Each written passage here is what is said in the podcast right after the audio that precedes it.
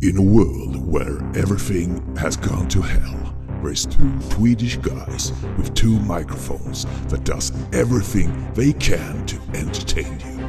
They have decided not to give up on you listeners. They will continue their jobs to sort out the good from the bad in the world of movies. No one can stop them to put out their shows in the air. Now, sit back and enjoy when a brand new episode of TT Film Podcast come to you. Rated R.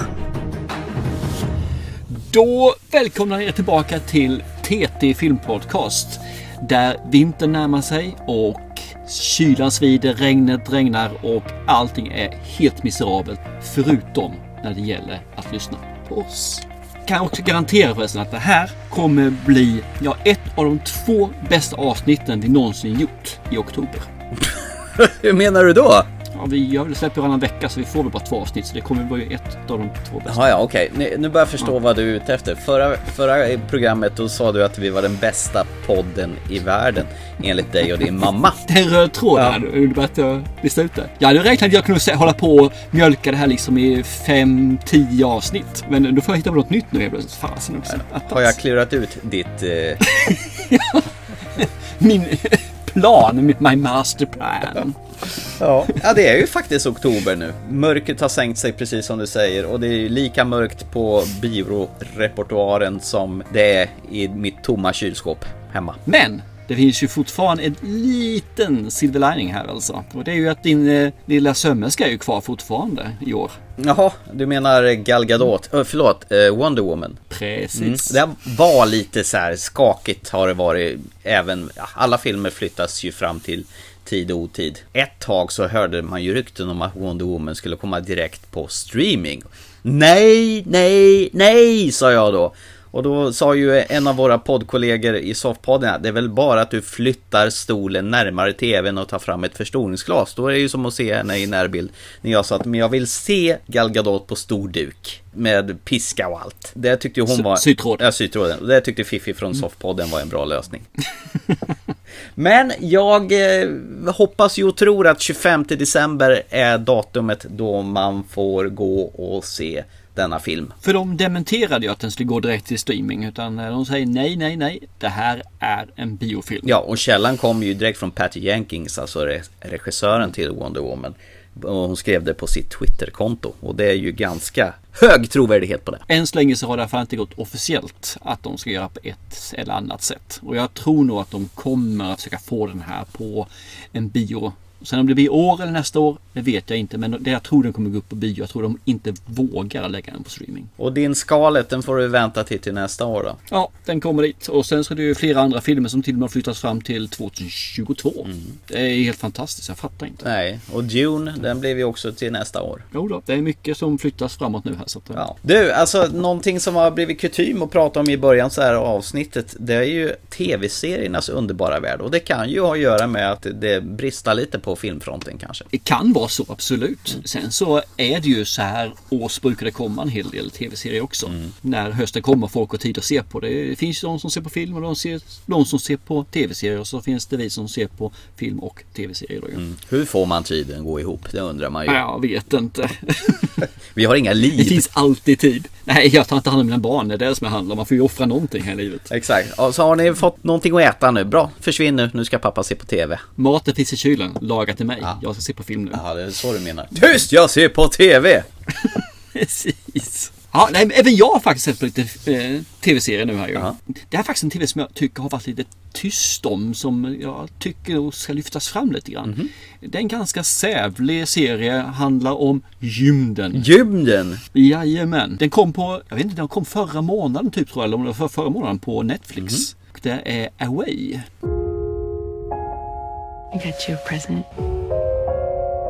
That's the Earth, the Moon, Mars. And the string is me making my way back to you.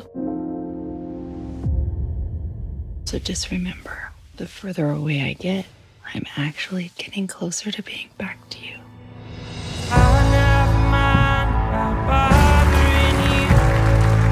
The only thing I've ever known for sure in my life is that I wanted to be on the first mission to Mars. It's only three years. Okay, I guess I won't miss you. You're my reason. My reason to hold on tight. Away! Äh. Bort iväg! Bort iväg! Bort ja, ja, hon med eh, Hillary Swank va? Swank. Precis, Million Dollar Baby-tjejen. Nej men eh, den här filmen är jäkligt nice. Jag tittade på första avsnittet och kände att mm, okej då. Andra avsnittet var också mm, okej, det, det fanns någonting där. Sen så kommer den här tycker jag igång. Den blir riktigt förbaskat nice. Saken är den att det handlar om en, ett gäng kan man säga, men framförallt då Hillary Swank och hennes familj. Hon är då astronaut och hennes man är väl det också men han har tyvärr blivit avpoliterad på grund av att han har en gen som gör att han inte kan åka. Om han är i rymden kan han då bli sjuk och det vill man ju såklart inte att det ska finnas. Sådana risker i alla fall. Så att hon blir i alla fall upplockad. Hon ska leda den här expeditionen. Eh, internationell expedition där både Ryssland, Kina, Is, Indien och då USA är med. Det är hon som är the captain captain. Och det blir ju givetvis lite intriger i det här rymdskeppet. Och sen samtidigt så har man den här relationen där en mamma och make och ifrån sin maka och dotter i det här fallet. Då. Hur det hanteras och vad det ställs på prov. Samtidigt som det då händer saker på hemmaplan och hon kan då inte vara där och hjälpa till att styra upp utan hon är ju då x antal tusentals mil därifrån. Så man märker, och sen finns det de här små röda trådarna ut i de här eh, delarna. Vi har någon person som då är en person som är stödperson som ska ta hand om dottern och familjen medan hon är borta. Och sen samtidigt så har man en annan del från alla de här som är med på rymdfartkosten. Att de har också små delar ut. Man kan alltså göra den här rätt så mångfacetterat. Man får ganska djuplodad information för alla. Så det blir mer en, en, en rymddrama. Och just den här familjerelationen som jag går igång på. Jag är ju sack på det verkar det som. Så fort blir det så pumpar mitt hjärta lite hårdare och lite mer blödigt än det brukar göra. Och det var det som gjorde att jag gick igång på den här filmen efterhand. Faktiskt. För det blir väldigt mycket känslomässigt i familjedramat. Och de andra delarna växer faktiskt riktigt förbaskat nice också. Ja, jag tycker om den här. Det är ingen sån här hejdundrande Game of Thrones serie. Det kan man inte säga för det är en ganska stillsam serie. Det är en drama, den som bygger upp karaktärerna på ett traditionellt sätt. Så jag tycker verkligen om den. Det det är alltså mindre rymdopera, science fiction och mera familjedrama låter det som. Ja, egentligen. Hon kunde likväl ha åkt iväg till Afghanistan för att göra ett eh, jobb där. Okej. hade varit samma sak egentligen. Men man bygger in stakes i det här fallet för att alla länderna är med och om man så Kina och Ryssland har ju kanske sin agenda med det här uppdraget. Det ska ju se fint ut som en fasad. Men bakanför så finns det politik samtidigt också. Mm. Har du sett hela rasket eller? Jag har sett hela Raskes har jag gjort. Ja. Eh, Är det typ färdigt där som en one season event eller är det liksom look upp, look öppning inför kommande? Det kommer att komma en säsong till. Ja. Eh, Jag har inte sett det officiellt men det kommer att komma. Mm. Eh, Jag vet inte vad jag tycker om det egentligen. Eh, Men man gör två säsonger av det. Så tycker jag det kan vara helt okej. Mm. Vill man göra fler och mjölka det, då tycker jag det är fel. Men två säsonger, det finns det sak att göra för. Efter det så, nej, glöm det. Mm. Då, då kommer det då bli ja, urvattnat. Okej. Är den snygg då? Ser den påkostad ut eller är det någon? Ja, det är den. Absolut. Mm. Den är jävligt snygg faktiskt. Det är vissa saker där som jag hakar upp mig på. Men det är bara för att jag är som jag är. Yeah. När jag ser en sak så letar jag ibland undermedvetet efter felaktigheter. Och då framförallt sådana här fysiologiska saker, om man säger så. Hur gravitation fungerar och ingen gravitation fungerar. Ja, du har ju en förmåga att göra Jag har en det. fäbless för det. Ja, det. Men det är ingenting som stör mig Nej. i den här. Eh, Det, det är så små grejer så det spelar egentligen ingen roll. Och jag sväljer de här sakerna. Jag tycker bara det är lite intressant när man ser dem. När folk inte har tänkt på det. Men det här är jävligt nice faktiskt. Jag tror att andra säsongen kommer bli eh, minst lika bra. Det finns en hel del att bygga på här alltså. Så att eh, har du inte sett den, ge den åtminstone, man brukar säga de här tre avsnitten. Men jag tycker nog att man ska ge dem fyra avsnitten här faktiskt. Innan den kommer in. För den är lite långsam att eh, blomma ut. Så att eh, Katta, min tjej, hon såg på ett eller två avsnitt och sen gav hon upp. Hon brukar ha de här tre avsnitten men hon gav upp och kände liksom, nej se på den själv, jag har annat att se på tyckte hon liksom. Och det, det är fine. Men ska du ge det verkligen en chans så se minst fyra avsnitt. Jag tror den behöver det. Det får mig osökt att komma in på en annan serie som jag och min sambo börjat titta på. Det här är ju en serie som jag väntat med spänning på efter supersuccén The Haunting of Hill House som kom här om året. Som Mike Flanagan är showrunner och har, hade regisserat hela rasket. I fredags så hade The Haunting of Bly Manor, alltså en fristående, man kan inte säga att det är en uppföljare utan det är en helt annan historia. Det är bara det att Mike Flanagan råkar vara den som har, ligger till grund för den här historien och han har återanvänt en del av skådespelarna från den förra serien då, bland annat Henry Thomas, du vet, lilla ET från, lilla ET, lilla Elliot från ET är ju bland annat med, mm -hmm. var ju med den, så även i denna. Och en del av de kvinnliga mm. skådespelarna är med. Är det samma karaktär eller nya karaktärer? Nej, det här är helt nya karaktärer och det är en helt annan mm. tidsepok. Och det utspelar sig dessutom i England gör det, detta. Jaha, okej. Okay. Eh, Vilken tidsepok är det då? Ja, 80-tal någonstans. 85-86 ah, någonstans. Okay, okay. Det är en au pair, eh, en sån där som ska ta hand om eh, barn då som har tragiskt dött en gång i tiden och så att en person som heter Henry, alltså Henry Thomas heter faktiskt Henry här, anlitar en, en annan au pair för att ta hand om hans eh, brors barn då. Hans bror har dött eh, tragiskt, man vet inte varför, men hon skickas ut till det här Bly Manor, en liten håla ute på engelska landsbygden då, för att ta hand om de här två barnen då. Och det är ju hänt någonting märkligt där. Och som vanligt när det är hemsökta hus så är det ju eh, skumma saker som pågår här. Eh, väldigt snyggt och subtil historia. Och som vanligt som med den förra eh, serien, The Hunting of Hill House, så blir det ju lite lucköppning längs vägen och historien är inte riktigt stringent utan det hoppar lite fram och tillbaka tiden, precis som den andra gjorde. Eh, väldigt bra skådespelare, väldigt snyggt, men väldigt mycket snällare än eh, The Haunting of Hill House skulle jag vilja påstå. Snällare som i mjäkare eller som i... Inte lika mycket skrämseleffekter som den andra hade. Haunting of Hill House, den var man ju färdig på att skita på sig när man såg. Bland annat ett avsnitt där det var en sån här likvaka i begravningskapell eh, som var inspelad i ett enda avsnitt. Det avsnittet var nog fan bland det otäckaste jag har sett på film skulle jag... Ja, den var nice. Ja, den, den var minns jag. Men här är lite mera, det är lite mer åt dramahållet faktiskt i, i den här omgången. Vi har sett fem av de nio avsnitten. Vi börjar faktiskt titta på den idag och vi har sträcktittar på det. Så jag, jag säger ju inte att det är dåligt på något sätt, men det är lite snällare än, än The Haunting of Hill House.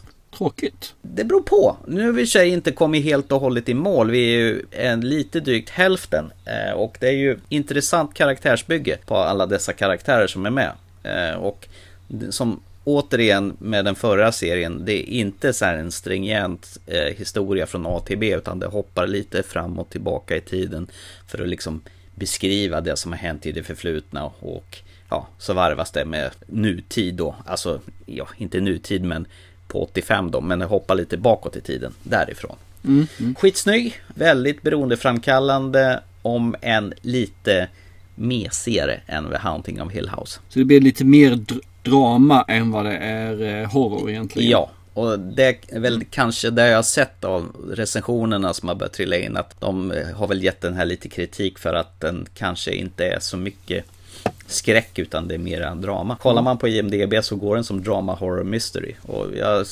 håller väl mera på drama mystery hållet än, än skräckhållet mm. faktiskt på denna får se liksom. Men det, det, kan ju vara så att de har gjort det lite annorlunda. Så att de bygger upp nu och sen så lägger de på det andra lite längre fram i serien då. Ja, men, eh, precis. Och det jag menar... Första avsnittet brukar alltid visa standard. Jo, första avsnittet den är ju right up The Haunting of Hill House. Men sen mm. stannar den av lite grann och sen går den lite mer in på ett snällare variant. I alla fall så, så, så långt som vi har sett det. Men det är ju ingenting som säger... Hur många avsnitt har du sett? Fem. Fem och det är åtta? Nio. Nio, tio? Nio. Nio. Men det är ju ingenting som säger att det inte växlar upp dem, den andra halvan av serien. Så att mm. jag kan ju inte säga riktigt till 100% hur det hela är när vi är bara halvvägs genom serien. Men det är ju riktigt bra, det är det ju. Men man ska inte gå in med att du ska få en ny The Haunting of Hill House för då kommer du nog bli besviken tror jag. Nej, för jag har ju peppat på den här serien sen jag såg den första gången alltså. Eh, Jag får ju sån här eh, blimpar från IMDB och den här såg jag där och det verkar vara en jäkligt nice trailer på den. Det- Men det du säger nu verkar ju inte vara det som man får känslan av i trailern. Vilket är lite synd att det, de gör så igen. Var alltså. Å andra sidan så kanske det är bra att jag tar ner förväntningar lite grann för då kanske det blir en bättre upplevelse för dig. Fast det är lite synd för jag trodde jag skulle kunna se den med min äldste son. Men jag tror att han kommer säkerligen att passa på den här efter då tredje avsnittet. Mm. Ja, det är det här jag menar, liksom att eh, första avsnittet är det, det är liksom för att kasta sig in i det hela och liksom sätta känslan och stämningen. Men sen varvar man ner några avsnitt där och då är man otålig, då kanske man tröttnar, är risken. Ja, så att, och det, det är jag rädd för det. Men då ser den själv istället. ja, så det är och lugnt. det är bättre att hänga i, för det, jag vet att du gillar karaktärsbygge och mycket relationer och grejer. Och det får du i den här serien också. Likt den här Away som du pratade om. Det var det jag menar, att man kanske inte räcker med tre avsnitt utan kanske behöver ha fyra, fem för att komma in den totalt. För att känna att det här vill jag investera i och fortsätta titta på. Och det är synd för hur många serier, eller hur många kunde dissa de här serierna på grund av att man har den här tre avsnittsregeln. Mm. Och jag kan ju För det- tänka mig att en del kommer dissa den här på grund av att den förra var så jäkla läskig och den här inte är Ja, det. Men det, det är intressant som du säger här liksom att den förra. Mm. För den här är ju inte den förra egentligen. Nej, För det är tittar ju man inte. på Netflix så är ju det här för säsong ett. Det är Mm. inte säsong två av någonting utan det här är säsong ett. Ja, det, det enda som den har gemensamt är att den heter The Haunting Off, precis som den förra. Och att du råkar ha Mike Flanagan som eh, kreatör och eh, skapare till den här serien. Han har ju inte regisserat ett enda avsnitt utan han har bara producerat och eh, satt Så igång. egentligen är ju det här the makers of Haunting of Hill House. Och så gör man likhetstecken lite grann med Haunting of Bly Manor. Eh, Haunting är båda. Ja, Jag förstår vad de gjort det. Man vill göra kopplingen med att det är samma personer, det är det här igen. Men om man då inte gör samma, på samma sätt med samma nivå på skräck och den här saken, utan man vill göra mer på något annat. Då skulle man ju ha lyft isär dem istället. Så man verkligen har dem som en egen. Och man har sagt egentligen the director, the producer or the creator of the haunting of bla bla bla. Jag, Ja. tror de, har- jag tror de har vunnit mer på det. Men vi får se, du har inte sett klart den som sagt var. Så Nej. det kan mycket väl snurra fart mer. jag kan, vi kan återkomma i nästa avsnitt och, och så får liksom bära hund i huvudet och säga hur fel jag hade.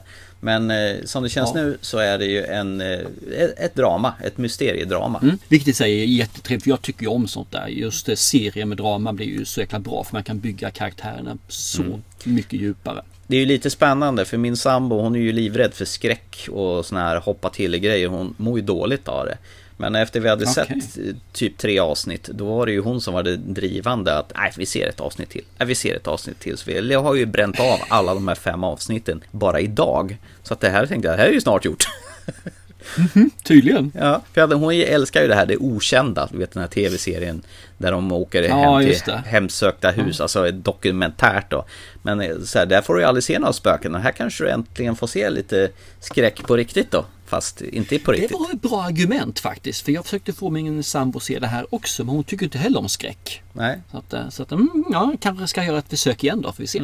Ja, Kul, Eh, jag har haft ögonen på den så att eh, den ligger absolut på listan. Jag vet inte om jag ska ta den här för, vad heter det, Ratched. Någon av dem kommer gå in först. Jag brukar se faktiskt en serie i taget. jag är lite sjövild, Jag- vi kan köra en tre serier parallellt med varandra. Ja, jag försöker det. Nu håller jag oftast med i alla fall. För det brukar vara någon serie som tjejen och jag ser tillsammans. Och sen ser någonting själv då. Men efter det känner jag liksom att då, det blir för mycket och det blir varken hackat eller malet. Ja, vi pausade ju lite grann den här eh, Lovecraft Country och då tänkte jag liksom att Mm. då kan vi se klart den här och så hinner det komma ut lite fler avsnitt av Lovecraft Ja. Country på grund av att HBO snålar ju med att bara släppa ut ett avsnitt i veckan. Ja, jag fattar inte det. det. Det är ju därför man ju ger Netflix de flesta av serierna de har så klipper de ut hela serien på en och samma gång. Alltså hela säsongen på en och samma gång. Det är ju fasen så mycket trevligare för då kan jag se när jag vill. Istället för att jag har förväntat en vecka. Då kan jag titta på vanlig TV. Jag köper ju en streamingtjänst för jag vill se när jag vill se. Inte för att det kommer ut varje torsdag. Nej, då blir jag lagt och ser jag inte på det. Då lackar han ur! Ja, då blir jag en gammal tjurig, grinig gammal gubbe.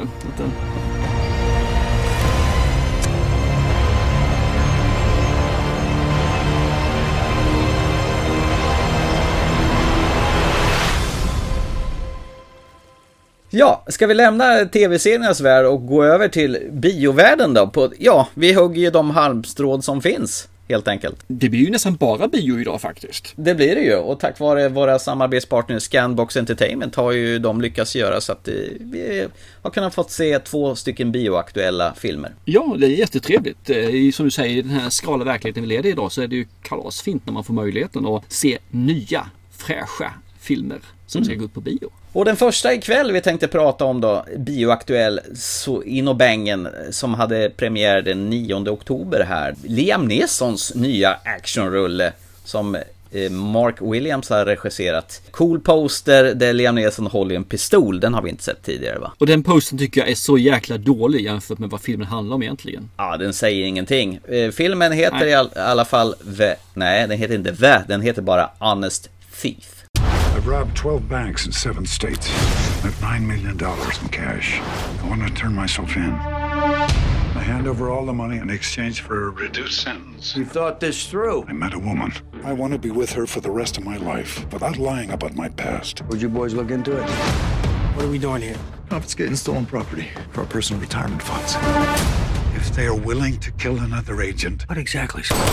What are they capable of doing to you and me? My girlfriend. She had nothing to do with this. I'm coming for you. He's former Marine. Demolitions expert. I have to finish this. All I wanted was a normal life for Annie and me. Now, I'm gonna make things right. My way. Honest Thief, rated PG-13, in theaters October 16. Ärlig äh, tjuv. Varför har man inte satt det på svenska? Det hade varit skitkul om det hette Ärlig tjuv. Ärlig tjuv. Eller in och ut banditen. ja, precis. Det, det, här är i alla fall Tom. Han är bankrånare som eh, spränger kassaskåp. Eh, han städar efter sig så det inte märks att han har varit där. Eh, hur det nu går till när han städar och målar, det får man väl se i en liten snabb sekvens. Så han, jag fattar inte hur han gör det, men han gör det i alla fall. Och han gör det inte för att bli rik utan han gör det för kickens skull. Han spenderar inte en enda spänn som han har snott under åren och till slut så får han ihop nio stycken miljoner som han gömmer i en sån här, man stashar undan eh, ett förråd. Ja.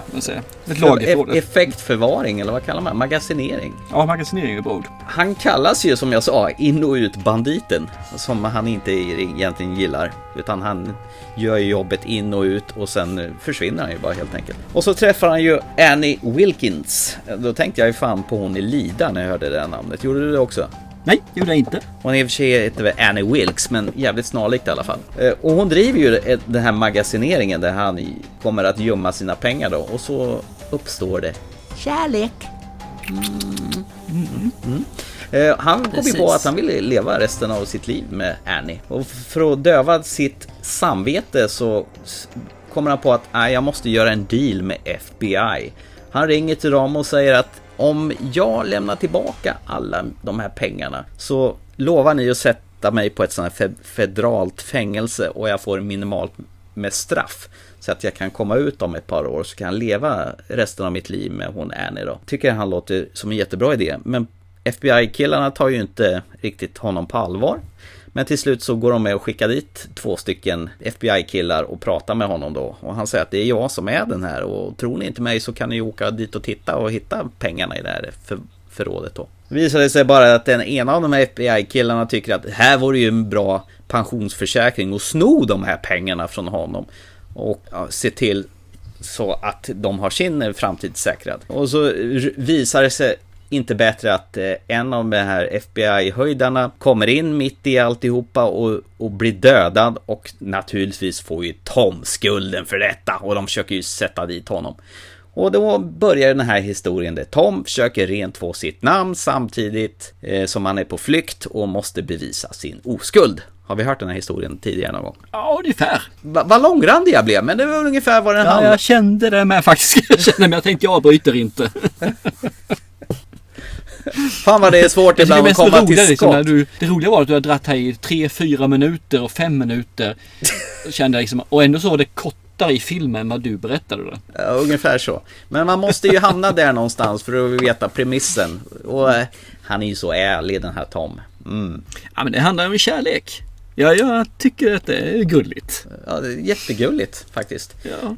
Men du, den här tjejen han blev kär i. Ja. eh, Kate Walsh. Känner Ja. du igen henne någonting? Nej. Ja, har du sett Borde- henne någonstans? Borde jag göra det? Nej. Nej, det vet jag inte. Har du sett, eh, eh, vad heter den nu? Jösses, nu glömde jag bort vad heter för någonting. Umbrella Academy. Nej, Den serien som finns på Netflix. Nej, nej, den här med apan och eh, hon... Eh, Ja, precis. Ju, Juno. Den är hon ju med. Hon är ju the handler där. Man säger så. En av eh, bad guys. Och Jag skrapade ju mitt, mina hjärnceller och undrade fan jag sett henne på tills det poppade upp. Ja just det, det är där. För där spelar hon ju en bitch. Och här spelar hon ju faktiskt en, en jättegullig tjej. Vansinnigt gullig tjej. Ja, hon är helt mysig. Det är hon alltså, helt klart. Det enda jag förväntade mig när jag såg den här filmen och när Liam Nilsson började träda fram där så var det liksom att det, I have a certain st- stop of skills. I come and get you. Jag bara väntade på den här att han skulle säga det. Men det gjorde han inte någon gång i hela filmen. Nej, men han hade ju en set of skills. Han var ju en jävel på att desarmera bomber. Och göra bomber. Ja, han hade ju det. Det här är ju en actionfilm. Det är ganska, som du säger, har vi hört det här förut stycket. Det enda som jag tycker är lite annorlunda, för jag tycker stakesen är på ett annat sätt här. Han gör ju det här för att han vill ju leva tillsammans med henne resten av sitt liv och han vill inte ha något bagage. Nej. Så han är medveten om att när han ska lämna in sig så ska han sitta i fängelse. Mm. det, han går in med öppna ögon. Ja, jag kommer sitta. Jag, men jag vill inte sitta längre än så här. Jag vill sitta liksom på en öppen anstalt. Och så gör han dealen där. På, som Mm. han säger att så hon ska kunna vänta på honom. Utan att hon vet om det. Vilket kanske har varit en bra idé att tala om för henne. Jag är en bankrånare och jag tänkte göra det här för att göra rätt för mig. Innan han gör det här. Men ja, ja. Det är, det är bara jag. Ja, det hade ju kanske varit en bra idé. Sen så är det här, storyn är ganska tunn. Hela köret. Och jag tycker i vissa fall så är det, ja, jag har sett det många gånger förut. Men jag tycker faktiskt för en gångs skull att Liam Nilsson passar i den här rollen. Han är lite mer än bara den här mördarmaskinen som han är i Taken. Han är faktiskt en, en grabb som vill göra rätt för sig. Han är en grabb som verkligen tycker om sin tjej som han vill leva resten av livet med. Så det finns lite annan aspekt på honom. Inte bara den här I have a certain set of skills. Och jag tyckte om det. Han, han gör den här typen av filmer som man visste ju ungefär vad man skulle få. Ja, man skulle få en, en eh, action. Det blev det också. Han gör det faktiskt bra, men han gör den här lilla tweaken på den som jag tyckte ändå var lite befriande och lite fräsch. Och det kanske det inte är fräsch i filmbranschen så, utan det är fräsch för det kommer från Liam Nilsson kan man väl säga i sådana fall. Fast Liam Neeson känns väl inte riktigt fräsch. Det märks ju att han börjar bli gammal han också här va?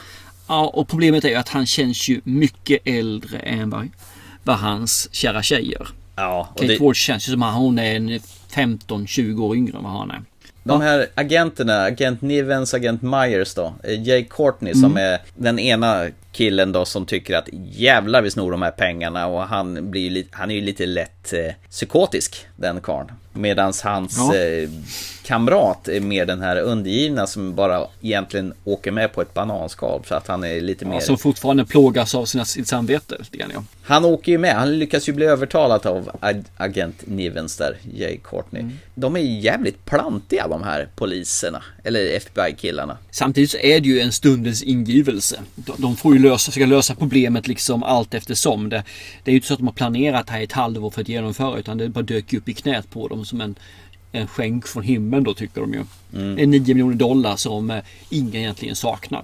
Mm. Vad är problemet? Det är så att säga, plotten är lite tunn och är, de är lite plantiga ibland. Men jag tycker faktiskt att det inte spelar en roll i alla fall. För just att det, så att det var någon som dök upp och de var tvungna att lösa problemen allt eftersom det sprang. Så jag tyckte det, ja, det funkade för mig. Vad, känner du igen eh, Robert Patrick då? Ja, alltså springaren i Terminator, han har ju blivit as, as, as, as, as gammal.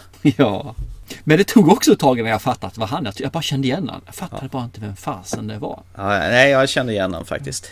Den lilla Ja, rollen ja, det han ett tag. hade med där som FBI-boss Ja. där. Den kändes väldigt, för att vara en sån här film så kändes den väldigt PG-13. Tyckte inte du det också? Det håller jag faktiskt med om att den gjorde. Den Ja. var inget blod direkt. Nej, viset. den var för jävla snäll alltså i själva actionsekvenserna. Ja, förutom där, när, de, när de håller på med eh, hans tjej där de kommer in där. För där känns det som att det är ganska... Ja, jag tyckte det var rätt brutal. Ja, i och för sig. Ja, det, det, det kan jag faktiskt hålla med om. Det är en grej som jag blev så vansinnigt irriterad på. Det är en sekvens där det, det är en explosion i den här filmen kan man säga. Ja. Och, det- och det var så kackigt gjort. Så det var, alltså det var som någon har använt sin, den här, någon app till mobiltelefonen och lagt på sån här explosionseffekter på en befintlig hemmavideo om du förstår vad jag menar. Ja, precis. Så jävla dåligt var det. Alltså, snacka om alltså förr när det var på 70 och 80-talet när man brassade på och sprängde ett hus på, från 13 olika kameravinklar. Till slut så blev ju det överdrivet. Men det är fan så mycket, ser mycket bättre ut än de här digitala CGI-eldarna som är på hus. För att de inte vill, eller har pengar till att, att spränga saker längre. Nej, CGI i det här fallet är ju billigare som du säger alltså. Mm. Och eh, jag kan väl köpa det. Jag tycker det kan vara helt okej att köra CGI istället för att göra det på riktigt. För jag, både för miljö och annat. Alltså, säga vad man vill med Liam Neeson, men han verkar ju liksom ha hamnat i det här facket att han gör någon actionrulle per år eller vartannat år. Det är, liksom, det är väl hans sätt att casha in stålar ska jag tänka mig. Jag gillar ju både den här Non-Stop och senast den här Commuter när han åker tåg. Den var faktiskt riktigt bra. Eh, Och nu, nu Ja. kommer den här The Honest Thief. Det, det verkar vara hans levebröd nu på äldre dagar. Det känns som det att han, han gör det och sen så hoppar han in och gör någon så här lite bad guy-aktigt som han gör också i Men in Black till exempel. Jag, jag tycker om hans tidigare filmer när han var lite mer eh, dramahållet. Ja, Och jag hoppas ju att han ska gå in lite mer åt det hållet igen. För det hade varit jävligt nice faktiskt. du tänker på Love actually. Ja, eller Schindler's list. Ja, ja, just det.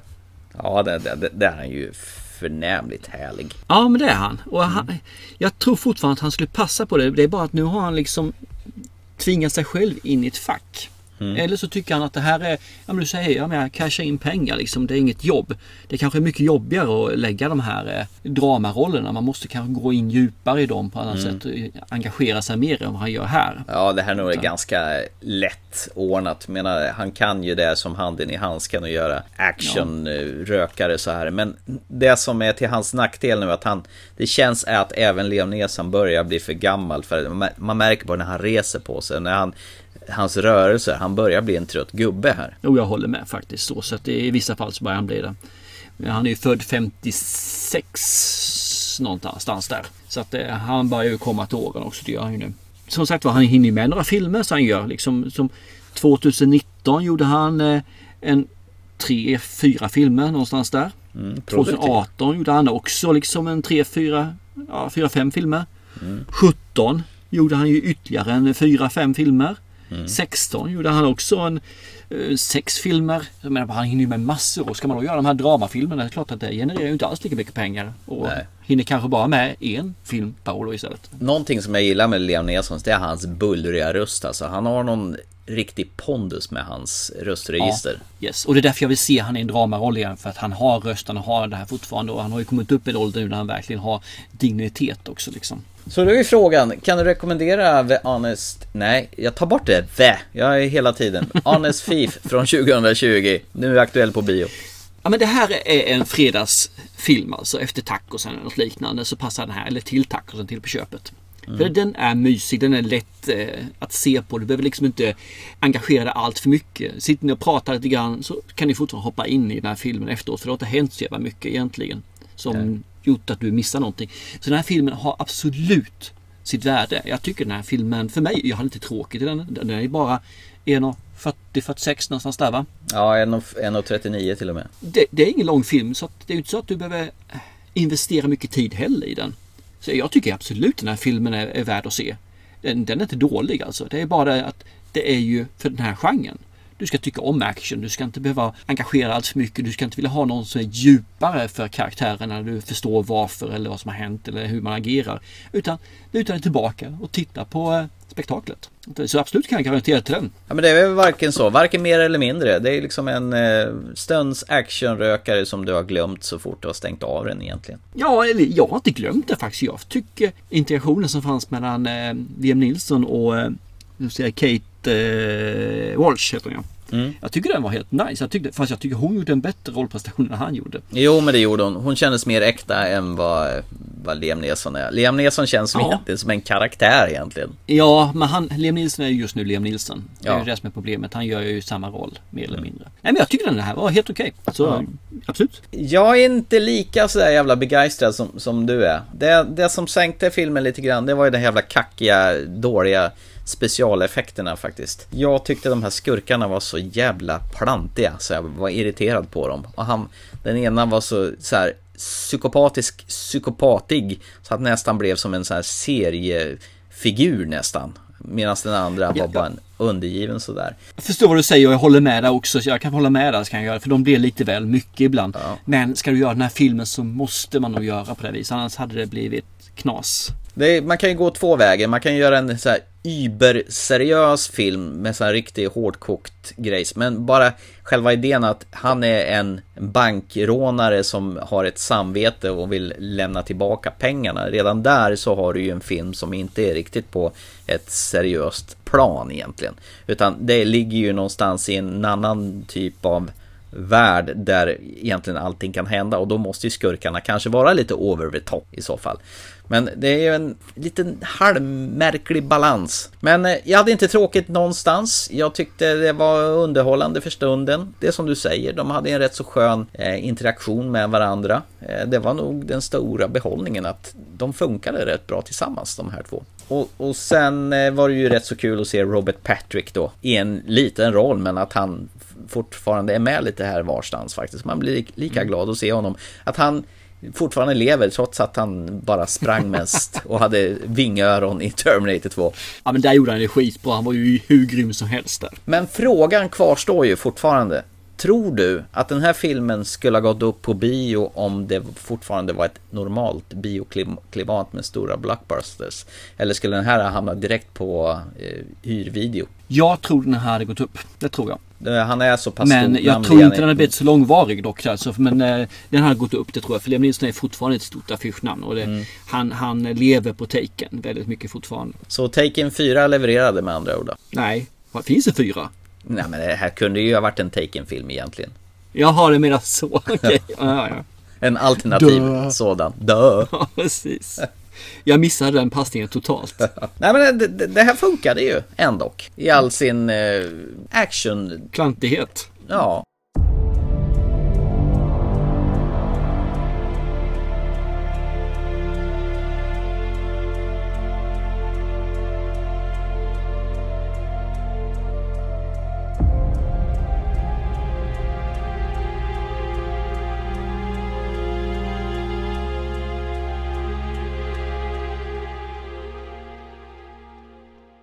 Du, vi håller på här och lallar. Ska vi gå vidare till nästa film?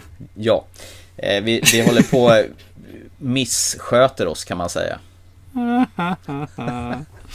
Gud vilken jävla dålig segway. Men eh, eh, nästa film, är, apropå inte sköta oss, den har premiär fredagen den 16 oktober. Så den här har vi faktiskt fått sett i förväg. Jajamän. Misbehavior som sagt var. Film som utspelar sig på 1970. Mm-hmm. Där egentligen är det tävlingen av Miss World. Last year, 100 million people tuned in live to Miss World. More viewers than for the moon landings or the World Cup final. Beautiful, darling. Mum, don't. You and your sisters used to love playing Miss World. We also like to eat our own snot. They must have no defects. And if they're not pretty much 36, 24, 36, come on, the curves won't be in the right places. But we really believe beauty isn't just skin deep. The girls also get marks on charm, grace, deportment. Swimsuits. If I win, there will be little girls who might start to believe they have a place in the world. We're black. We're not going to be Miss World. You don't own me. It's not you we're angry at. I look forward to having your choices in life. But it's all just flashbulbs in your face. Not so many flashbulbs for me. I don't want you to think I'm some kind of brute that doesn't consider the feelings of women. I consider feeling women all the time.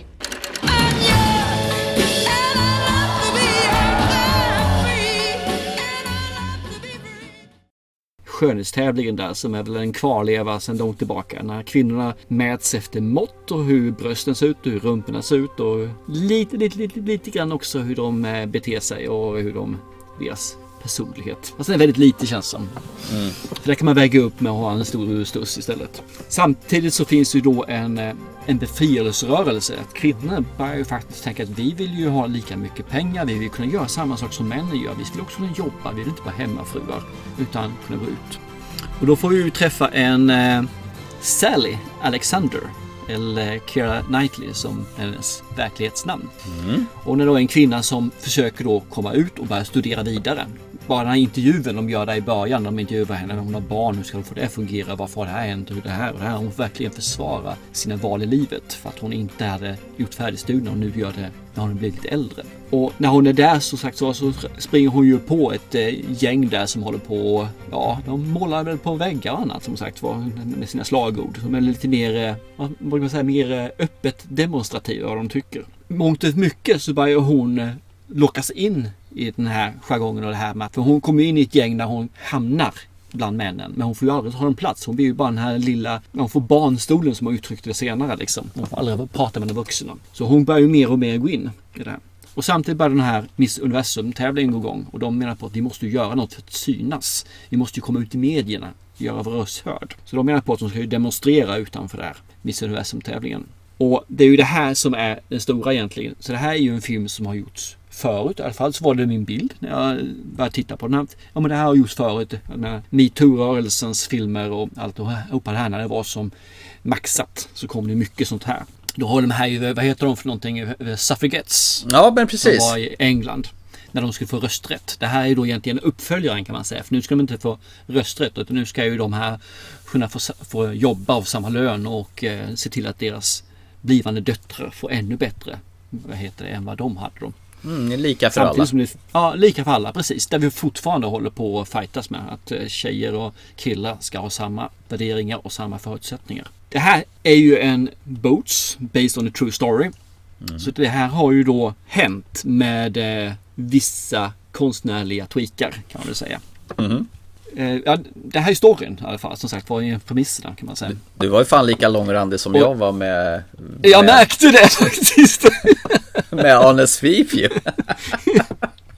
Ja, du, du smittar mig med den långa randiga introduktionen till filmerna. Jo, men jag vet, jag vet inte annars hur du skulle kunna förklara för det här. För att du måste ju få veta bakgrunden till vad de vill göra och vart det liksom utmynnar sig i någonstans. Ja, jag, bara, jag kom in i det svarta hålet här kände jag. Det var dags att avsluta. Eh, Filmen när den börjar, för mig blir den långsam, lite seg, lite off, lite spretig. Den är, den är svår för mig att komma in i, den här filmen. Mm. Alltså, för jag vet inte riktigt vad jag tittar på eller vad är det för film jag ska egentligen se. Så den är svår för mig att verkligen investera någonting i när jag börjar se på den. Och det, det brukar ju vara ett dåligt tecken känner så, för det är oftast är det svårt att komma in igen i den här filmen. Och den här filmen, den är byggd som alla andra filmer, men samtidigt för mig så blir den inte som andra filmer, för den hoppar, inte i tids, utan den hoppar i känslor hur man presenterar filmen och eh, ja, överhuvudtaget storyn. Då ju. Men det, den, är, den är jobbig för mig måste jag säga. Jag kommer inte riktigt in i den förrän långt in i filmen. När den börjar och på något vis knytas ihop och den får ett riktigt enkelt, tydligt språk. Mm. Vet du, hur kände du? Jag håller faktiskt med där. Det låter ju skittråkigt men jag, initialt så började jag faktiskt skruva på mig och tänkte Jaha, var ska det leda någonstans egentligen? Jag visste ju i bakgrunden där att det, de ska crasha eh, Miss World-tävlingen då 1970 då och göra sin röst hörd. Besvärlig och inte så lätt att ta till sig. Det är ju ett skitintressant ämne där med kvinnors frigörelse. Men jag hade jättesvårt att finna ändå sympati för det här gänget. Jag vet inte om det beror på själva historien eller om det har med skådisarna att göra. Keira Knightley, hon är ju jävligt speciell med sitt varggrin hon har när hon flinar. Så här, eh, eh. Det som också jag tyckte kanske var intressant, det var att skådisen Bob Hope var inkastad i den här Miss World-tävlingen och skulle Mm. agera någon form av sån här underhållning då, dyka upp där. Han hade ju tydligen varit gäst eh, tio år tidigare och hans fru håller ju på tråkar honom över att han är sån kvinnokar och dreglar över alla. Eh, Tråka och tråka. Han gjorde väl lite klavertamp där. så All- att hon har väl all rätt att hon har all rätt att vara, hon, har ju, hon är ju bitter som fan och det har hon ju all rätt att vara naturligtvis. Ja. Den skådisen, Greg Kinner, han är ju porträttlik Bob Hope i vilket fall som helst. Han, med hans slickade... Ja, ganska, ganska. Ja, Mm. med hans slickade mittbena och sådär. Eh, Men som du säger, svår film att komma in i faktiskt. Saken är den att den är svår film och jag vet aldrig var eller hur eller varför. Men någonstans efter filmen så vänder den här rätt så bra faktiskt. Och i slutet så tycker jag den här filmen faktiskt är riktigt förbaskat bra. Och jag, jag, vet inte vad det är för någonting, men jag tror det är, jag har inte landat i det här själv ska jag erkänna, men jag tror det handlar om de här anarkisttjejerna mm. som gör på sitt sätt. Att jag har svårt för dem. Mm. Att de, de, är så over top och de var säkert sådana. För det är, det är inget konstigt, men jag har svårt att se det i en verklig värld om vi säger så. Sen när, när det väl kommer i slutet så har man lärt känna dem på annat sätt. Man har lärt känna, vad heter även eh, Sally Alexander och Keira eh, Knightley. Mm. Och man har fått in det här och samtidigt har man blivit presenterad in till hennes familj. Hennes kille och hennes mamma.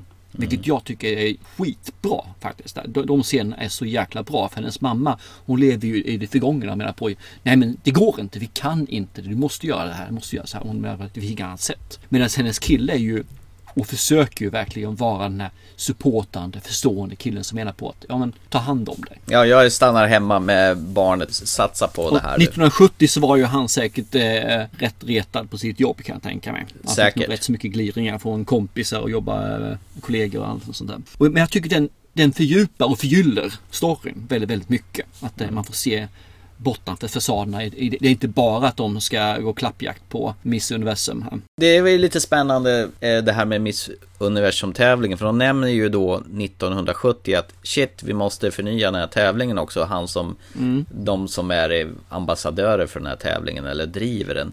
Oj, vi kanske måste ha inte bara vita kvinnor i den här tävlingen utan skicka hit mm. någon från eh, Afrika så vi har en svart tjej med här också. Det är ju inte bara det, de har ju två stycken från Sydafrika. Det är ju liksom, ena får heta då från Miss South Africa och det andra är Miss Africa South. Bara för att de ska särskilja dem. Jag satt och funderade på, fan pågår det fortfarande sådana här ytliga jävla tävlingar fortfarande? Så jag var tvungen att gå in och titta. Jajamän, Miss World är ett pågående fenomen fortfarande. Fast, det, fast de har nog gjort om dem brutalt mycket. För här mm. var det ju, det nämns ju någonstans, det finns bara ett enda ställe där man man då mäts och bedöms efter sitt utseende och det är liksom en nötkreaturaktion. Så man har gjort om det på ett helt annat sätt tror jag idag. Jag har inte sett någon ska jag erkänna, vilket man kanske skulle gjort bara för att kolla. Men när de håller på och mäter bysten, mäter mm. rumpan och det ska ja. gås i bikinis. Ah, fan, det är så förnedrande så det finns ja. inte. Detta. Och vända dem så ni får se den andra sidan på er.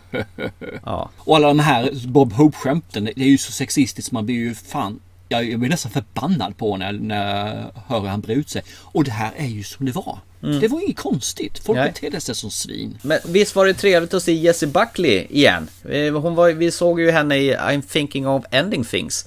Hennes röda krull fick ju vara med här i form av Joe Robinson. ja, och hon är ju jättecharmig så hon är. Ja. Jag tycker om henne framförallt. Men hon är också en sån där som jag har lite jobbigt med i början för de är over top. Och sen så efter ett tag så börjar man kanske vänja sig och tror att hon minskar ner också sitt omfång på sig själv om man säger. Men hon är ju görgullig hon också. Det här är ju en, en verklig eh, sak som hände 1970. Jag gick faktiskt in och mm. kikade på de här olika årtalen på på Miss World. Och det här var ju den som stack ut då att de var där och mm. bombade med kastade ballonger med mjöl ja, i. Mjölpulver. Ja, ja och sprang Mjölbomber runt, tycker de kallar det. Och sprang runt med vattenpistoler. Det var ju egentligen ett ganska oskyldigt sätt att eh, göra sig hörd på. Men de, det var ju tydligen ett startskott som får, fick fram den här kvinnorörelsen och göra sig hörda. Eh, jag, jag var ju tvungen också och surfade rätt på det. Och den här eh, slutscenen, slutscenen när de är där på eh, Miss Universum Mm. Miss, ja, Miss World. Ja, Miss World, så var det tack. Den scenen finns ju att titta på. Ja, alltså. Sen det... finns det en tv-scen, så den är svartvit är den givetvis. Men mm. den finns då att ladda eh, hem. Så har man sett filmen så kan man helt klart se den här riktiga filmen som hände i tv då. Mm. Och sen kan man ju se skillnaderna. För man har ju klart gjort det lite mer eh, färgsprakande om vi säger så då i filmen som är från idag då. Man får se. Men eh, det är ju, har ändå hänt och man kan nog se på det och det var inte så stor skillnad faktiskt. Eh, bara fotnot här liksom. Eh, ni som hör oss när Keira Knightley och kanske inte vet vem hon är på rak arm så kan man ju säga att hon var med i the Caribbean där hon då är Elisabeth Swan. Har ni sett mm. den filmen så vet ni exakt vad hon är. Eller så var hon med i Imitation Game då. Där hon är Joanne Clark. Det är väl de filmerna som faller mig i huvudet just nu i alla fall, vad hon har gjort för någonting. Och lika stort varggrin har hon där också. Hon har ett speciellt flin ja, den där tösen. Ja, men jag tycker det är rätt gulligt faktiskt. Jag tycker hon eh, ser trevlig ut. Hur slutar filmen för dig då? Är det i moll eller är det i dur eller hur känner du liksom efter när eftertexterna börjar att nalkas? Vi, kan vi gå in på precis innan eftertexterna kommer igång lite senare? ja, precis. Det kan vi göra. alltså, det finns ju andra sådana kvinnokampsfilmer som jag tycker smäller lite högre faktiskt. Jag tänker den som du nämnde tidigare, Suffragettes, det här med kvinnors mm. rösträtt. Den kände jag mig mer investerad i. Jag vet inte om, om själva stakesen var högre i den än vad den här var. Eh, och sen den som vi såg tidigare i våras, den här Bombshell då, med de här tv-kvinnorna som blev kladdade av deras Fox News tv-chef då. Jag vet inte om det berör mig mer när det är liksom mera grejer som står på spel än, än det här. Jag vet inte, jag, jag tyckte det var rätt så den bet inte riktigt på mig den här filmen. Jag, jag, jag satt och tittade och konstaterade att jag ville så jättegärna känna mig väldigt inblandad i det hela. Det fanns en scen som bet rätt så hårt när en av vinnarna i Miss World-tävlingen är i en loge och så kommer hon eh, Sally Alexander in där och säger grattis till henne mm. för att du vann. Men du menar inte det, säger hon där. För att de är på två helt olika planeter egentligen med deras värderingar. Det, det blir en sån härlig krock. Den scenen tycker jag brann till något jävligt. Men för övrigt så bet inte den här filmen riktigt på mig, tyvärr. Jag, jag kände likadant när, när jag tittade på den. Men när filmen var slut Mm. Då kände jag mig faktiskt emotionellt berörd. Jag kände mig känslomässigt instabil faktiskt. jag vet inte vad det var i filmen. Men det kanske är de här sista scenerna som gjorde det liksom. Och så det, finns det några scener till faktiskt som, är, som ja, satt mig i rullning lite grann. Mm. Men jag vet inte riktigt vad. Och det, det genomsyrar den här filmen helt och hållet för mig. Jag vet inte riktigt när den blir bättre. Jag vet inte riktigt när jag känner liksom att den känslomässiga kom igång. Förutom säga, scenen då. Som du mm. nämnde. Den, ändå när jag stängde av den sen så kände jag liksom att det, att jag var lite känslomässigt instabil. Jag var lite uh, ur fokus på något vis alltså. Mm. Så den måste ha gjort någonting med mig. Sen håller jag med om att Thomas Suffragettes och Bombshell så är det ju tyngre filmer än vad den här är. Mm, den var ju Mycket ganska lättviktig den här. Om man jämför. Det fanns en hel del eh, lite humor i den här filmen som gör kanske att den lättades upp. Kanske ett steg för mycket. Samtidigt tonen under, det blir lite svart humor samtidigt. För det är ju mycket sexistiska skämt och sådana saker som då skedde på 60-70-talet. Och det, det gjorde att man satte lite grann i halsen samt och blev lite äcklad faktiskt eh, från det manliga släktets perspektiv. Ja, vilket som helst kan man konstatera att den här Miss World-tävlingen som pågår än idag är ju helt idiotiskt. Alltså jag tycker inte den här tävlingen borde ha något existensberättigande år 2020. Jag håller med fullständigt. Att tävla i vem som är vackrast i världen, är inte det sjukt? Men det hade de ju rätt i redan 1970 med de här kvinnorna som försökte sabotera tävlingen. Yes, det ligger i betraktarens öga, tycker jag, vad som är skönhet. Jo, nu ska vi gå in på det sista här ju. För alla de här Boats-filmerna mm. har ju alltid en, när man eh, får se hur ser den verkliga personen ut och vad händer med den här personen sen. Ja. Och jag är ju generellt en stor hatare av det här. Jag med. Men, men, jag tar faktiskt och gör en liten, liten passus i den här filmen och tycker det här fungerar bra. Men det är inte det att det är bra själva scenen utan det är bra hur man har gjort det. Mm. För det finns en scen när man får följa in och de är helt ofokuserade och håller på med något. Så helt plötsligt så tittar personen i fråga upp i kameran, in på dig och bara fokuserar på dig i två, tre sekunder. Och sen så morfas filmen över till den verkliga personen, hur den ser ut idag. Mm. Och sen så gör man en kort beskrivning och sen så tar man nästa person. Och det tycker jag är så jäkla snyggt drag. Jag tycker det var så jävla vackert att man kör en scen och sen bara blicken upp. Pang, nagla dig. Här, jag ser dig. Nu ser du hur jag ser ut. Jag tyckte det var jättesnyggt alltså. Jag har inget behov av att veta exakt vad som hände efteråt för de här personerna. Men det var en snygg grej. Mm. Så det tycker jag var nice. Det kan jag hålla med om också. Och det var ju verkligen så att alla de här kvinnorna verkar ju leva idag fortfarande. Och så. Men, ja, eh, jag tror inte hon som var Africa South att hon levde. För det stod lite annorlunda för henne där. Ja, ah, okej. Okay. Så Men, eh, kanske, kanske. kanske var. Mm. Men det är som du säger, generellt sett så brukar jag hata det där. Och den och den gjorde sådär idag, levde lyckliga mm. sina dagar, eller dog 1985 av hej och hå. Men det funkade faktiskt i, i den här filmen. Av någon konstig ja, anledning. jag tycker det. På något vis fick de in det i filmen på ett annat sätt än man brukar få annars. Det gjorde mig bara att jag hatar Bob Hope mer i alla fall. Ja, Bob Hope, vilket jävla rövarsel. Rövhatt. Yes. Svin. Mansäckel. Yeah! Vi kanske är par fe feminister du och jag i, slu- i grund och botten. absolut. Nej men jag, jag är ingen feminist. Jag är inte någon mansjovisk person heller. Utan jag är likhet. Jag tycker liksom att det är mitt i istället. Mm. Eh, bara som en fotnot. Jag pratade med en feminist och hon menar på det liksom att eh, hon kan inte vila förrän det är hälften av alla kvinnor i styrelsen, eller hälften av alla medlemmar i styrelserna är kvinnor. Och jag menar på det att nej, så ser inte jag det. Utan jag tycker att det perfekta scenariot är när man inte bryr sig. Utan bäst person är med i styrelsen. Den som är bäst lämpad. Och ingen bryr sig om det är en kille eller tjej. Det kan vara 100% killar eller 100% tjejer. Whatever. Den som är bäst lämpad ska vara det. Ingen bryr sig. Könet är negligerat. Skit i det. Det var, det var fan det finaste jag hört sedan jag konfirmerades. Tack! Vill du ha ett fikon? Jag vill ha två. Ja, det kan du få. Jag åt faktiskt fikon igår. Gjorde du det? Ja. Blir man inte prutt i magen och sånt? Nej då, det ber man inte. Rännskita?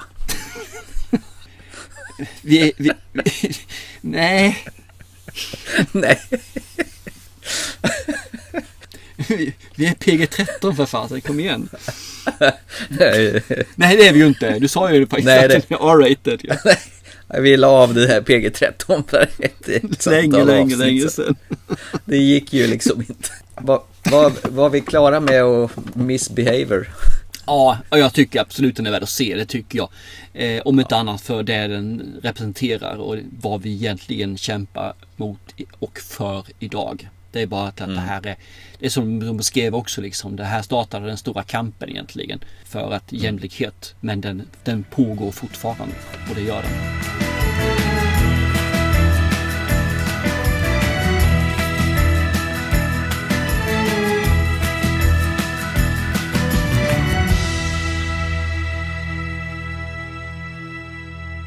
Ska vi gå då från eh, kvinnokamp till sura gamla gubbar då? Ja, det finns 13 stycken, eller 14 karaktärer i den här filmen och alla är män. Det är ju fantastiskt. Snack Ja. om att göra en kovändning va? Vi ska ju Ja, tillbaka precis. ännu längre i tiden. Från 1970 som filmen, den förra filmen utspelar sig till 1957 då. Mm. Och ditt uppdrag? Mitt uppdrag precis. Och det är 12 stycken vansinniga män. män. Eller 12 Ja. elsvurna män och 12 angry men då. Ja, många titlar den här filmen du. Ja, precis. En av dem kom jag på själv tyckte att den hade nästan varit riktigt bra. On the point of that knife, a man's life is at stake. I'm just saying it's possible. And I say it's not possible. Here's what I think happened. How can you be positive about anything? I don't understand you people. I mean, all these picky little points you keep bringing up, they don't mean nothing. Watch them and pray, for someday you may become one of them. Twelve men with the smell of violent death in their nostrils. What's the matter with you guys? You're letting them slip through our fingers. Slip through our fingers. Are you his executioner? Cut it. Ever since you walked into this room, you've been acting like a self-appointed public avenger. Shut up. You're a sadist. Twelve men turned into twelve clawing animals.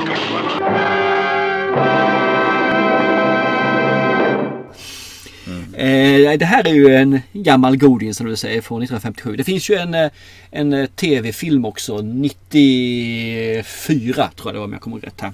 Alltså någon form av remake på den här antar jag då. Just Den har jag dock inte sett. Det här svartvitt, gammalt. Eh, Vi kan väl börja vad det handlar om för det första resten. Det här är ju då 12 stycken jurymedlemmar i det amerikanska rättsväsendet som ska då tala om eller komma fram till om en person är skyldig till att ha mördat sin far eller om han är oskyldig. Eller fel, inte oskyldig utan det finns eh, tvivel om att han är skyldig. Rimliga tvivel att han då kan vara oskyldig. Och finns det där så ska man ju då sätta han fri egentligen. De här då forsas in, man börjar egentligen, man får se när han slutpläderingen av domaren och sen får man se en snabb bild på den som är åtalad och efter det så föser de in 12 stycken män i ett rum här då där de ska sitta resten av filmen. Så ett kammarspel! Och ingen av de här männen när de sitter här inne nämns vid namn utan alla nämns med att de är ja, jurymedlem 1, 2, 3, 4, 5 ända upp till Gissa vad? 12! Ja, 12! Och jag vet inte, jag tror faktiskt det är så att man ska inte nämnas vid namn för att man ska vara anonym när man sitter där. de här börjar då egentligen eh, käbbla hur de ska ha rutinen och då kommer vi fram till att vi ska väl ha en första omröstning så kan vi se hur vi ligger till i alla fall. Och det är alla röstar då på skyldig förutom en och det är då jurymedlem 8 eller Henry Fonda. Ah, Henry Fonda. Ah, han är den jobbiga jäkeln som menar på liksom, ah, jag säger inte att han är oskyldig, men jag tycker att vi ska nog kanske diskutera fallet lite grann till. Och alla blir vansinniga.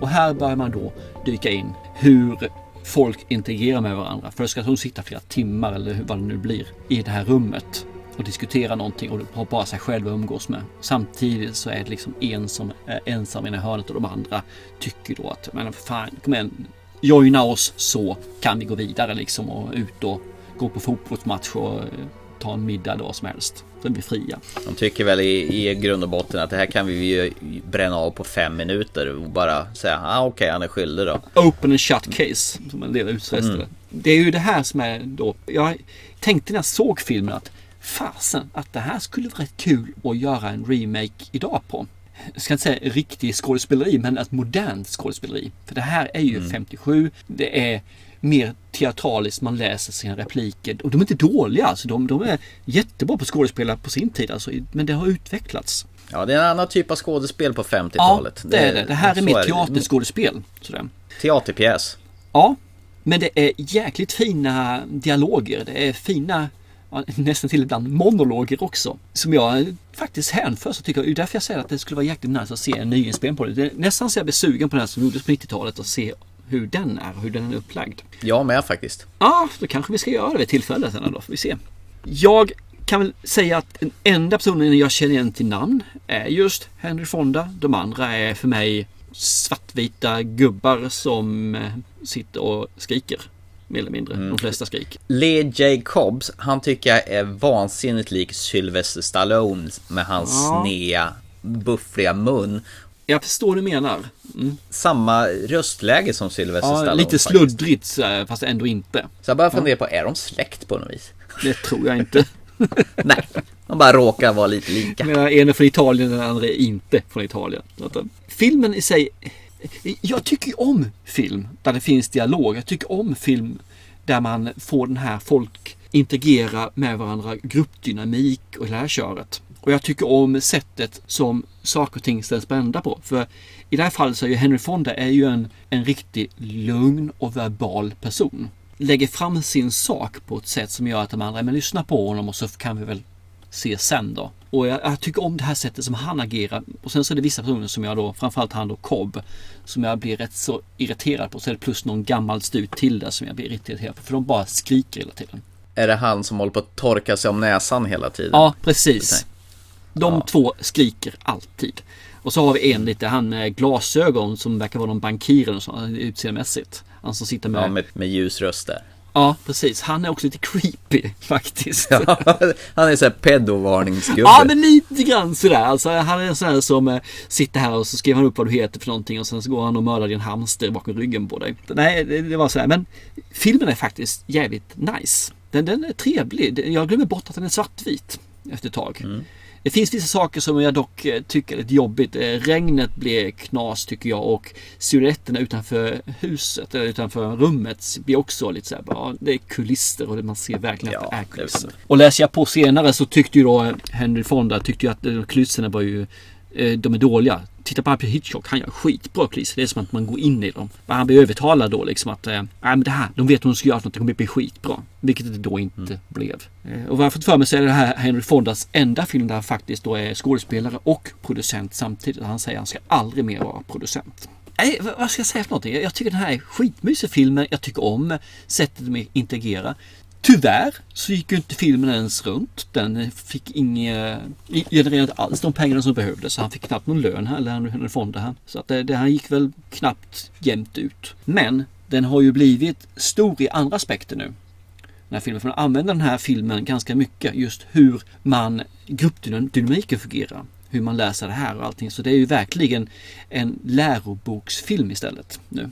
För den är visserligen väldigt eh, äkta mot hur folk beter sig i en grupp. När man kommer in då och ska vara så här tätt mot varandra och inte känner varandra. Mm. Hur agerar man? Hur gör man? Hur, hur ska man vara? Och sen finns ju ett lager till i den här filmen att det är ju en av de varmaste dagarna på sommaren där och de sitter och svettas som grisar och inte får igång fläkten. Alltså Och de vill ju därifrån. Jag, jag vet inte hur, hur mycket ska man kunna spoila den här filmen som är från eh, 57? Kan man spoila utav helsike eller? Ja, det kan man göra. Har man inte sett den här, då är det ju nästan eh, skyldig själv.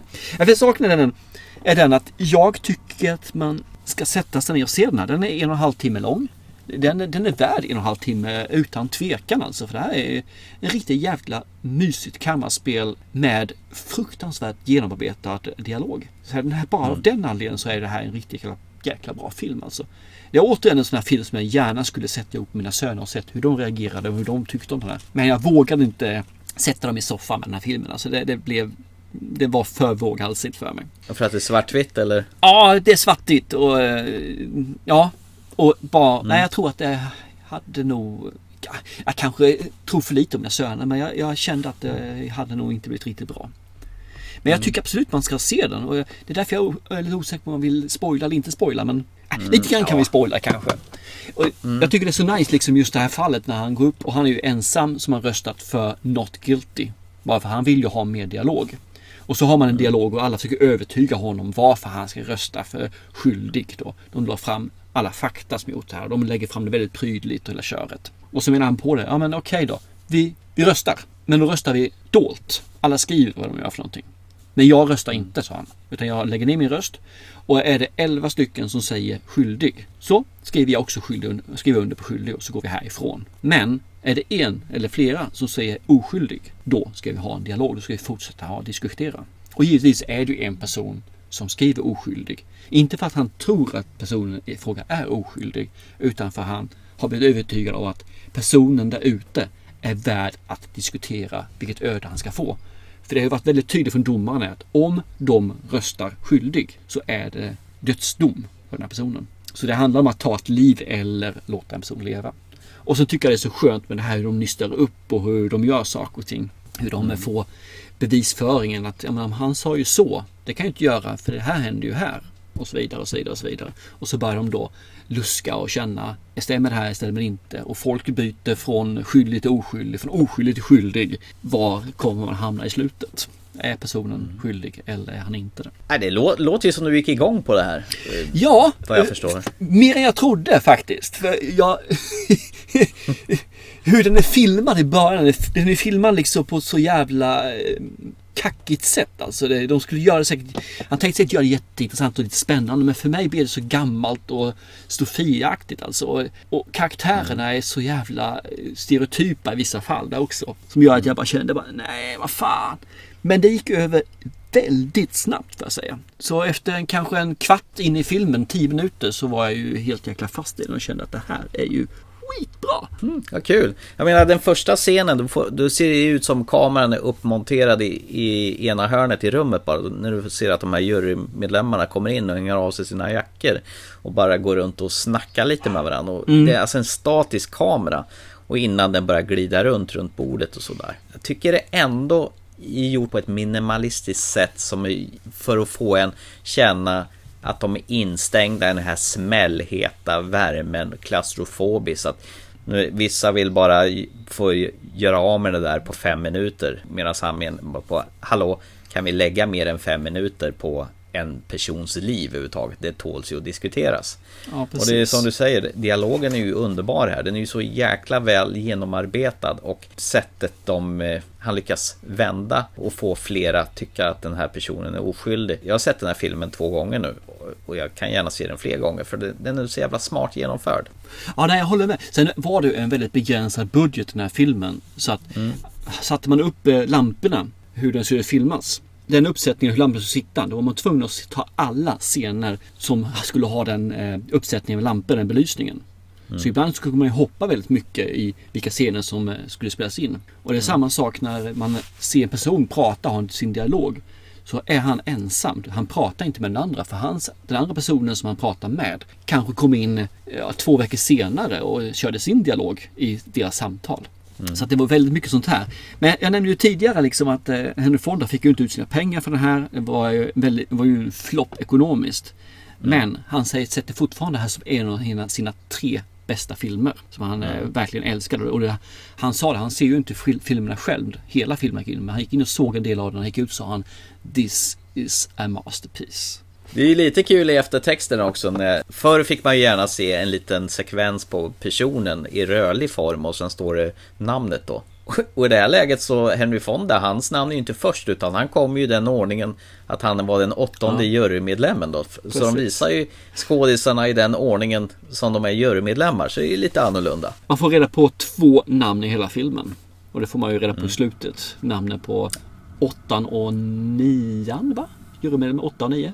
Ja, de hälsar ju på varandra och så säger de så lång innan de skiljs åt utanför Ja, precis. eh, tingsrätten. Jo, de andra två filmer som man då rankar högst också förutom då eh, 12 Angry Men är ju givetvis Vredens druvor från 1940. Och sen så är det en film som jag inte kände igen. Det är Möte vid eh, Oxoket. Den har jag faktiskt inte sett eller vetat någonting om. Men då kan man säga så här att då fick du omvärdera lite grann av att få se en gammal svartvit film från 50-talet då. Det lät ju som du tyckte att det skulle bli kräks det här när jag gav dig den. Ja, men när du ger mig filmer på 50-talet så tycker jag alltid att det här ska bli kräks. Så att, eh, jag ska erkänna att den här filmen hade jag ju aldrig sett någonsin själv utan att jag blivit påtvingad av dig. Så eh, tack så mycket. Ja, varsågod. Eh, tillbaka kaka. Eh, ja, det brukar ju vara så ja. Mm, Ja, Okej. okej. Mm, jag är livrädd. Nej, det tycker jag inte du ska vara egentligen. Du ska få välja. Jaha, okej. Nu börjar man få välja också här. Mm. Ja, det är evolution i Ja, uppdragen här. nu jävlar vet du. Du ska få välja mellan en svensk film eller en liten tweak på upp- uppdraget. Eh, Det är fel uttryckt egentligen men eh, ja. Mm. En svensk film eller ett tweak på uppdraget? Lite, jag har gjort det förut faktiskt ska jag erkänna den här tweaken så det är inget nytt nytt. Men... Uh, för sig, jag, jag blev ju rätt så glatt överraskad över en komikers uppväxt. Jag fortsätter väl på svenska spåret då. Vad får jag? Ja, okej, okej. Nähä, valde jag, va, va, valde jag fel nu eller? Nej, nej för fasen. Nej, nej, det är fel. Du fick ju två val. Det finns inget fel. Det finns bara ett val. Du valde. Du ska faktiskt se på en film som jag själv inte har sett.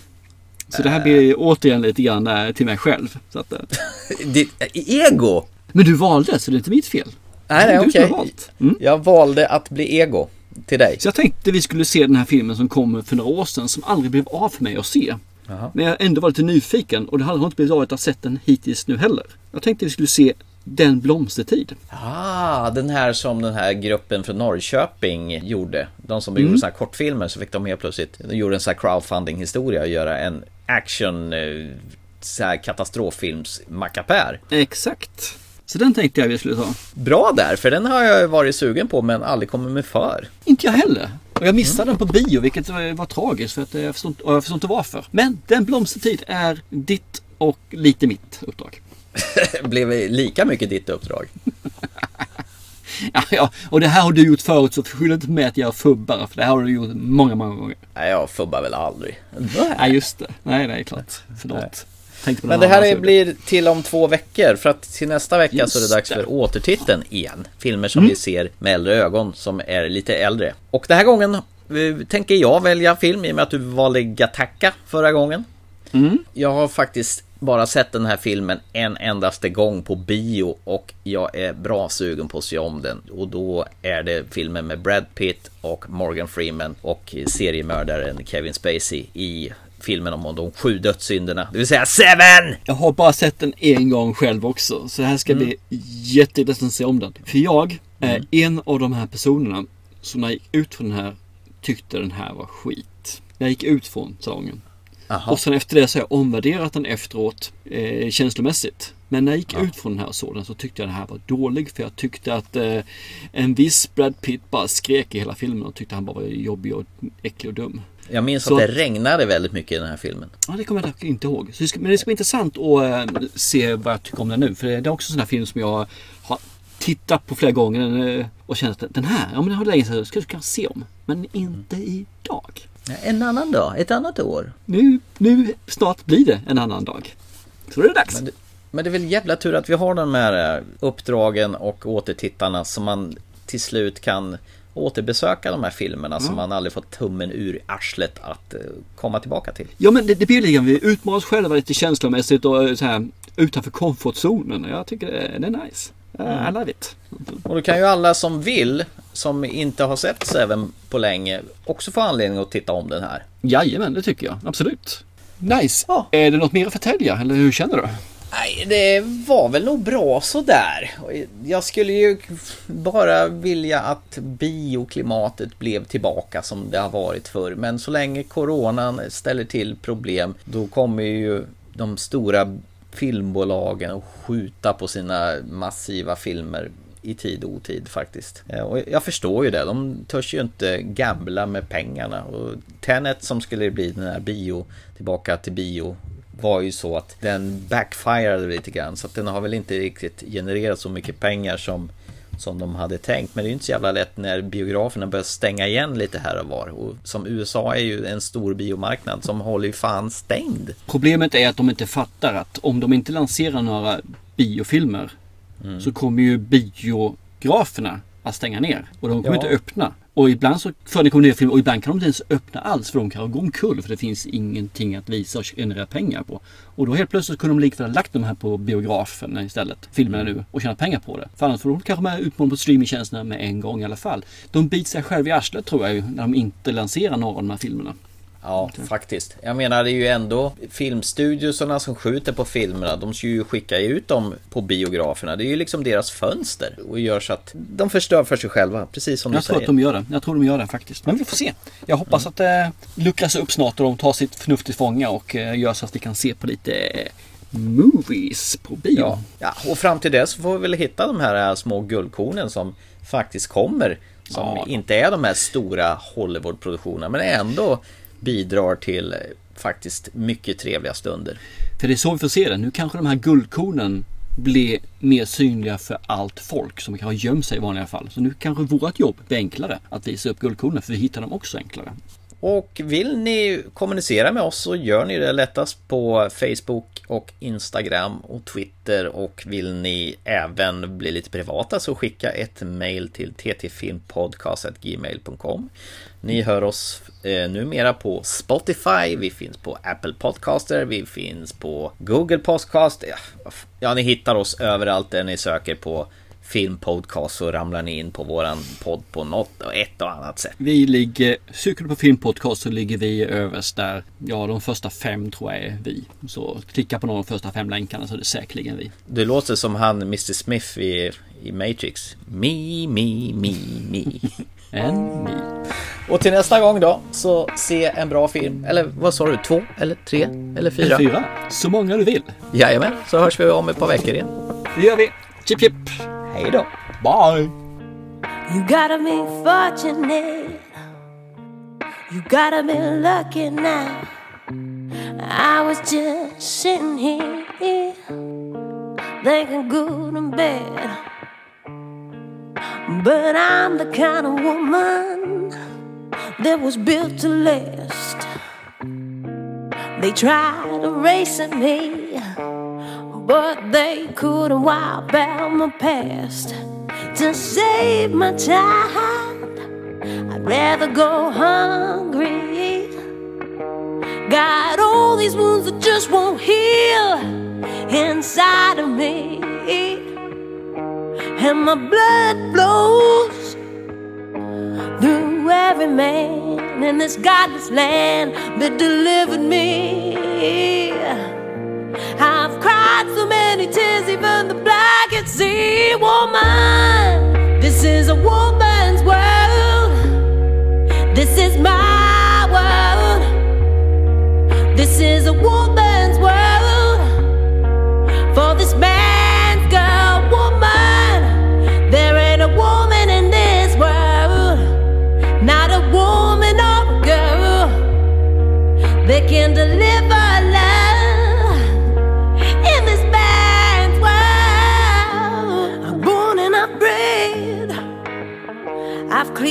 when I fed. And for my healing wits, I've been called a witch. I've crackled in the fire, Now I've been called a liar. I've died so many times, I'm only just coming alive. Woman.